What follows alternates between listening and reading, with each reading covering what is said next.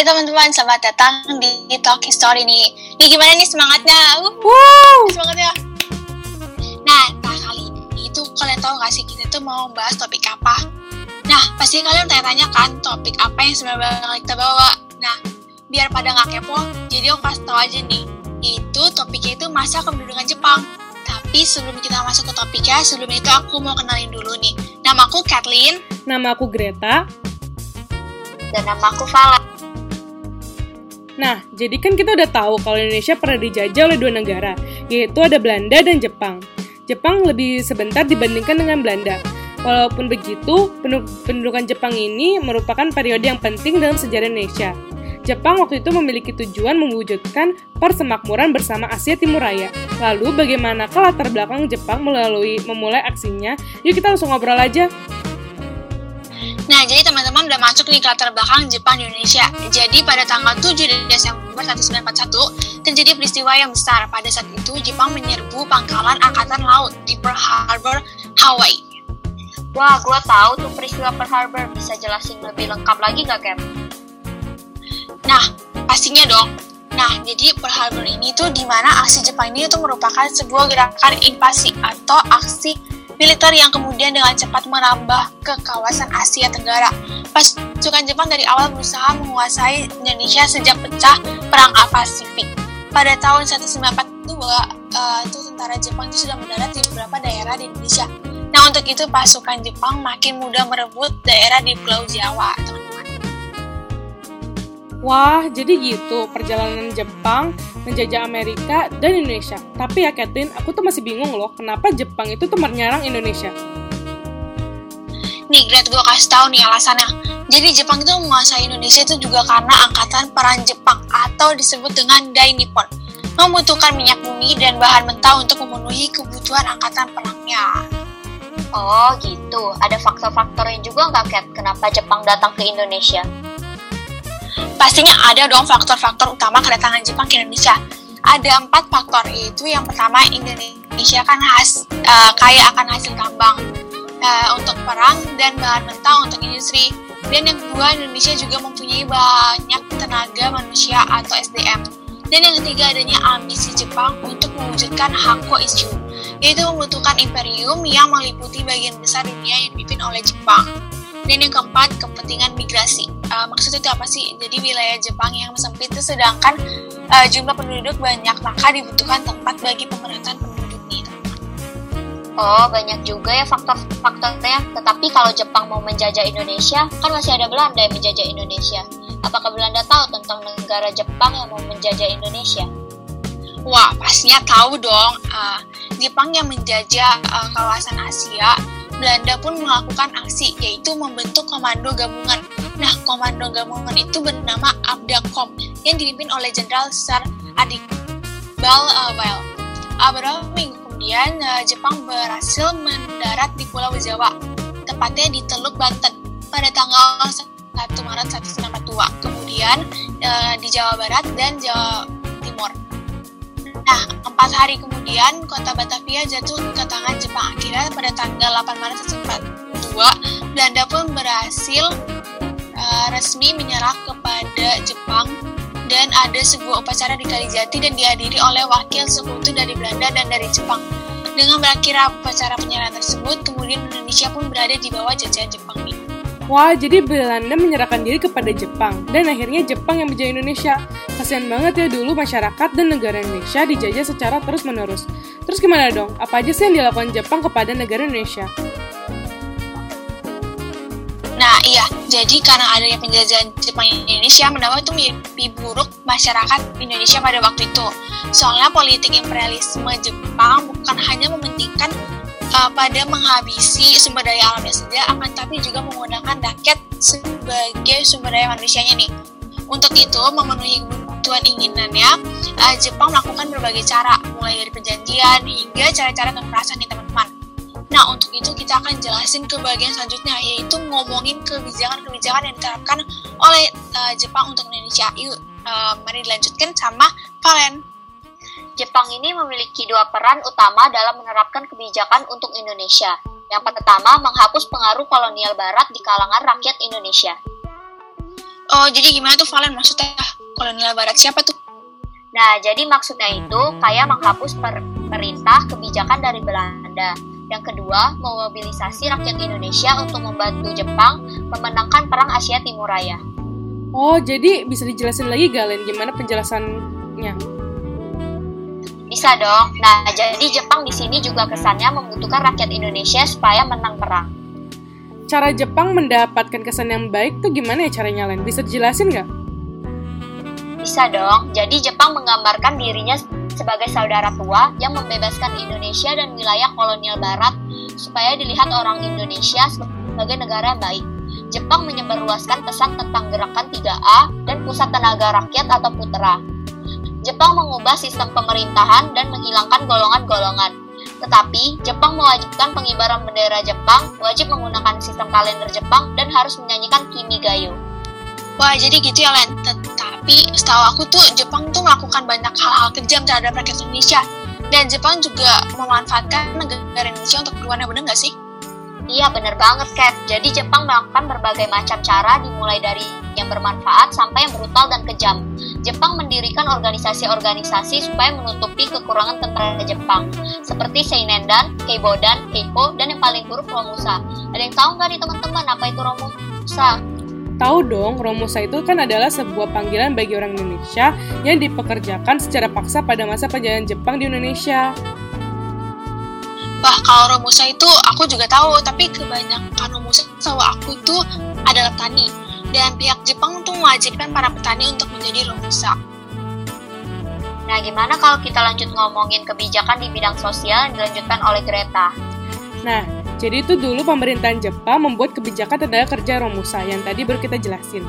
Kita semua pasti sudah sering tahu dong Romusa itu adalah sistem kerja yang paling kejam selama bangsa Indonesia ini dijajah. Awalnya Romusa ini mendapat kesan yang baik dari rakyat Indonesia, malah banyak yang menjadi sukarelawan. Tetapi semua itu berubah ketika kebutuhan Jepang untuk berperang meningkat. Oh, jadi dulunya Romusa itu hanya kebijakan dan masyarakat mau bekerja. Tetapi, apakah Romusa menjadi wajib untuk rakyat Indonesia? Nah iya Valen, jadi tuh kegiatan, kegiatan Romusa ini menjadi sebuah keharusan, bahkan paksaan bagi masyarakat Indonesia. Hal tersebut membuat rakyat kita menjadi sengsara. Kalian bayangin aja rakyat kita dipaksa membangun semua sarana perang, dan dipaksa bekerja sepanjang hari tanpa diimbangi upah dan fasilitas hidup yang layak. Waduh iya, kasian banget tuh ya pasti. Tapi, apakah ada akibat dari kegiatan Romusa bagi masyarakat Indonesia yang kesusahan zaman dahulu? Pastinya Kat, banyak banget akibatnya. Bisa dilihat eh, banyak dari mereka yang tidak kembali lagi ke kampung halaman karena mereka sudah meninggal dunia. Jadi banyak banget ya masyarakat Indonesia yang kesusahan. Apakah ada perempuan yang disiksa atau dipaksa untuk bekerja, Grab? Nah, benar Valen. Jadi tuh ada juga uh, Jepang juga membentuk Jugun Ianfu. Jugun Ianfu ini adalah di mana para perempuan dijadikan dan dipaksakan menjadi perempuan penghibur bagi para tentara Jepang. Nah, tadi kan kita udah bahas kebijakan dalam aspek sosial, sekarang kita lanjut ke aspek budaya nih. Sekarang ke Kathleen. Nah, jadi teman-teman kita bakal bahas tentang aspek budaya, uh, budaya nih. Jadi aspek budaya itu apa sih? Jadi pemerintah Jepang itu pernah mencoba menerapkan kebudayaan memberi hormat ke arah matahari terbit kepada rakyat Indonesia loh teman-teman. Nah, dalam masyarakat Jepang, kaisar memiliki tempat tertinggi karena diyakini sebagai keturunan dewa matahari. Oh, tapi Jepang sangat memaksakan rakyat Indonesia untuk melakukan sembah karena rakyat Indonesia tidak mempunyai kebudayaan seperti itu. Apakah rakyat Indonesia menentang ya, Kat? Nah, pastinya iya dong menentang, karena Jepang tuh langsung mendapat pertentangan dan perlawanan dari masyarakat di Indonesia. Bangsa kita itu hanya menyembah sang pencipta, yaitu Tuhan Yang Maha Esa. Iya, jadi para rakyat tetap menyembah kepada Tuhan dan kepercayaan masing-masing. Tapi setahu kayak setahu aku ya, Kat, ada juga masalah di media dan pers se seperti karya berita dan lain-lain. Nah, iya benar banget tuh, Gret uh, dulu tuh para seniman dan media pers tidak sebebas sekarang. Pemerintah Jepang itu mendirikan pusat kebudayaan yang diberi nama Keimin Bunkeisi Doso dan lembaga ini digunakan Jepang untuk mengawasi dan mengarahkan kegiatan para seniman agar karya karyanya tidak menyimpang dari kepentingan Jepang dan bahkan media pers pun berada di bawah pengawasan uh, pemerintahan Jepang nih. Nah, Tapi sekarang teman-teman kita lanjut aja yuk ke aspek pendidikan yang akan diomongin oleh Valen nih. Gimana nih Valen? Nah, jadi teman-teman, dulu sistem pendidikan Indonesia pada masa pendudukan Jepang, semua kalangan dapat akses pendidikan. Akan tetapi, sistem pendidikan yang dibangun oleh Jepang itu memfokuskan pada kebutuhan perang. Meskipun akhirnya pendidikan dapat diakses oleh semua kalangan, tetapi secara jumlah sekolahnya menurun sangat drastis. Kebijakan-kebijakan yang diterapkan oleh Jepang yaitu yang pertama, melatih guru-guru. Yang kedua, menghapus adanya diskriminasi dan membuat berbagai jenis sekolah. Nah, setelah kita bahas kebijakan aspek pendidikan, yuk kita lanjut ke aspek ekonomi yang akan dilanjutkan oleh Greta. Nah, jadi aspek ekonomi ini uh, dulu tuh Indonesia diterapkan sistem ekonomi perang. Jadi Jepang lebih mementingkan menguasai sumber-sumber bahan mentah dari berbagai wilayah Indonesia.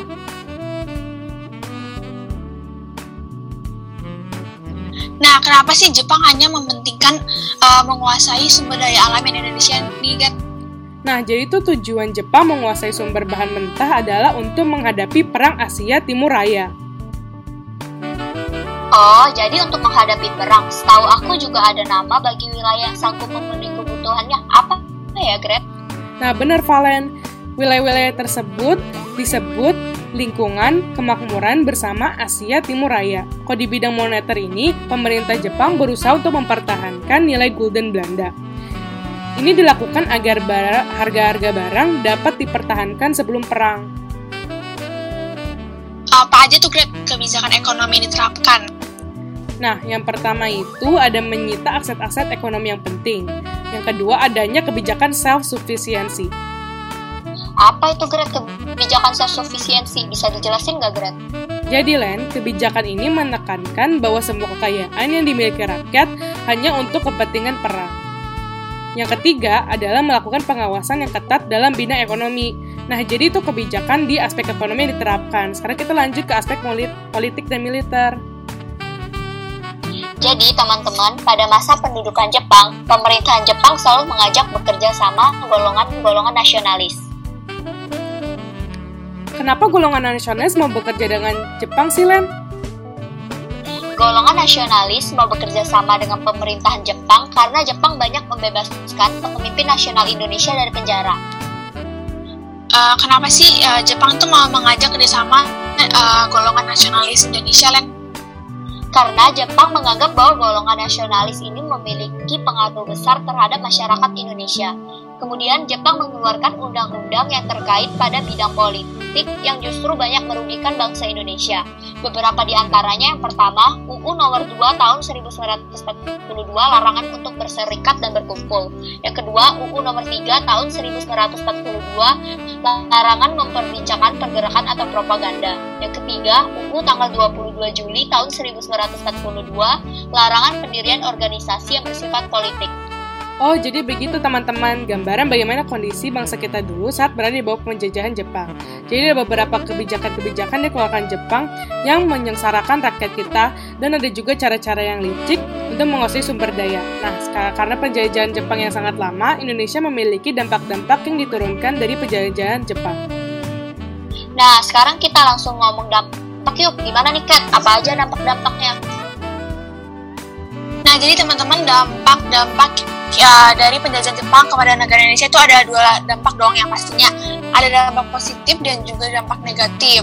Nah, jadi yang pertama bakal aku jelasin itu dampak positifnya dulu ya. Jadi uh, ada di bidang politik. Itu ada dua itu melarang penggunaan bahasa Belanda dan memperbolehkan bahasa Indonesia sebagai bahasa pengantar. Dan yang kedua dibentuknya Badan Persiapan Kemerdekaan Indonesia contohnya BPU PKI dan PPKI dan yang kedua itu ada bidang ekonomi yaitu didirikannya Kumiai yaitu kooperasi yang bertujuan untuk kepentingan bersama. Dan yang ketiga itu ada bidang di bidang sosial. Itu ada dua, uh, mulai berkembangnya tradisi kerja bakti masal melalui Kinrohoshi. Apakah ada dampak yang membuat Indonesia mempunyai tradisi, kan? Pastinya ada dong. Uh, karena ada tradisi Kinrohoshi ini, jadinya Indonesia itu memiliki sikap gotong royong, teman-teman. Nah, tapi yang kedua itu ada munculnya sikap persatuan dan kesatuan dalam mengusir penjajah dari Indonesia. Nah, sekarang di bidang budaya, yang pertama itu Jepang mendirikan Keimin Bunka Shidoso atau kita bisa sebut pusat kebudayaan. Keimin Bunka Shidoso ini buat apa, Gret? Jadi, fungsi lembaga ini untuk mewadahi aktivitas kebudayaan Indonesia. Nah, yang kedua juga ada pembentukan Persatuan Aktris Film Indonesia atau kita bisa sebut Persafi. Nah, Persafi ini apa sih tujuannya dibuatan, Gat? Tujuannya ini untuk mendorong aktris-aktris Indonesia untuk mengubah terjemahan bahasa asing ke bahasa Indonesia, Kat. Nah, juga ada di bidang bio birokrasi dan militer. Jepang juga memberikan pelatihan militer kepada pemuda-pemuda Indonesia. Dampak negatif dari penjajahan Jepang di Indonesia yang pertama bidang politik dilarangnya dan dibubarkan kegiatan politik dan jenis rapat. Bidang ekonomi yang pertama Jepang mengeksploitasi sumber daya alam dan sumber daya manusia untuk perang. Yang kedua terjadinya krisis ekonomi yang sangat menyengsarakan rakyat. Nah di bidang sosial ada tiga. Yang pertama ada praktik perbudakan wanita atau yugun yanfu. Yang kedua kegiatan Romusa membuat rakyat miskin dan banyak meninggal. Yang ketiga terjadinya kondisi yang parah dan rakyat tidak kriminal. Dan di bidang pendidikan itu ada banyak guru-guru yang dipekerjakan sebagai penjabat di bidang birokrasi dan milik kemiliteran itu adanya pelanggaran HAM yang dilakukan oleh tentara Jepang. Nah, itu dia teman-teman dampak negatif dan positif yang dirasakan oleh rakyat pada saat penjajahan Jepang. Nah, selanjutnya kita akan bicara tentang respon masyarakat penjajah. Yuk lanjut aja Greta, gimana nih Greta? Nah, jadi itu rakyat mengira Jepang akan memojokkan Indonesia dan Jepang juga melakukan propaganda untuk mendapat dukungan rakyat. Nah, jadi uh, Jepang itu uh, mendengar bisa uh, membuat Indonesia mendengarkan Indonesia Raya dan bendera Indonesia juga boleh di, di, dikibarkan. Dan barang-barang buatan Jepang juga harganya murah supaya rakyat bisa membeli. Respon masyarakat bisa dilihat baik pertama-tama, tapi lama-kelamaan masyarakat menderita. Alasan Jepang disambut baik oleh masyarakat Indonesia yaitu pada awal kedatangan tentara Jepang ke Indonesia disambut dengan sukacita karena beberapa alasan. Yang pertama, kesengsaraan rakyat akibat jajahan Belanda. Yang kedua, adanya slogan 3A. Yang ketiga, penduduk pribumi diangkat sebagai pegawai administrasi pemerintahan.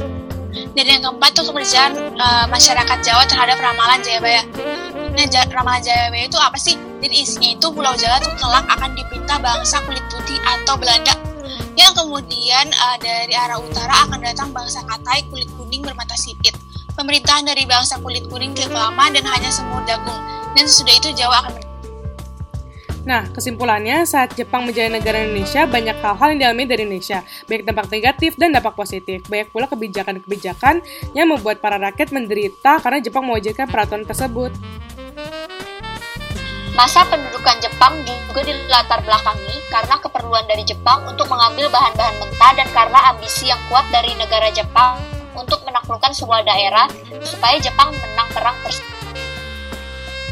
Nah, sekarang negara kita sudah merdeka dan sudah terbebas dari para penjajah. Nah, untuk itu kita tuh teman-teman harus menjaga kemakmuran negara ini. Dan terima kasih uh, sudah mendengarkan podcast kami. Uh, saya Kathleen. Saya Greta. Saya Valen. Salam merdeka. Terima kasih. Kak.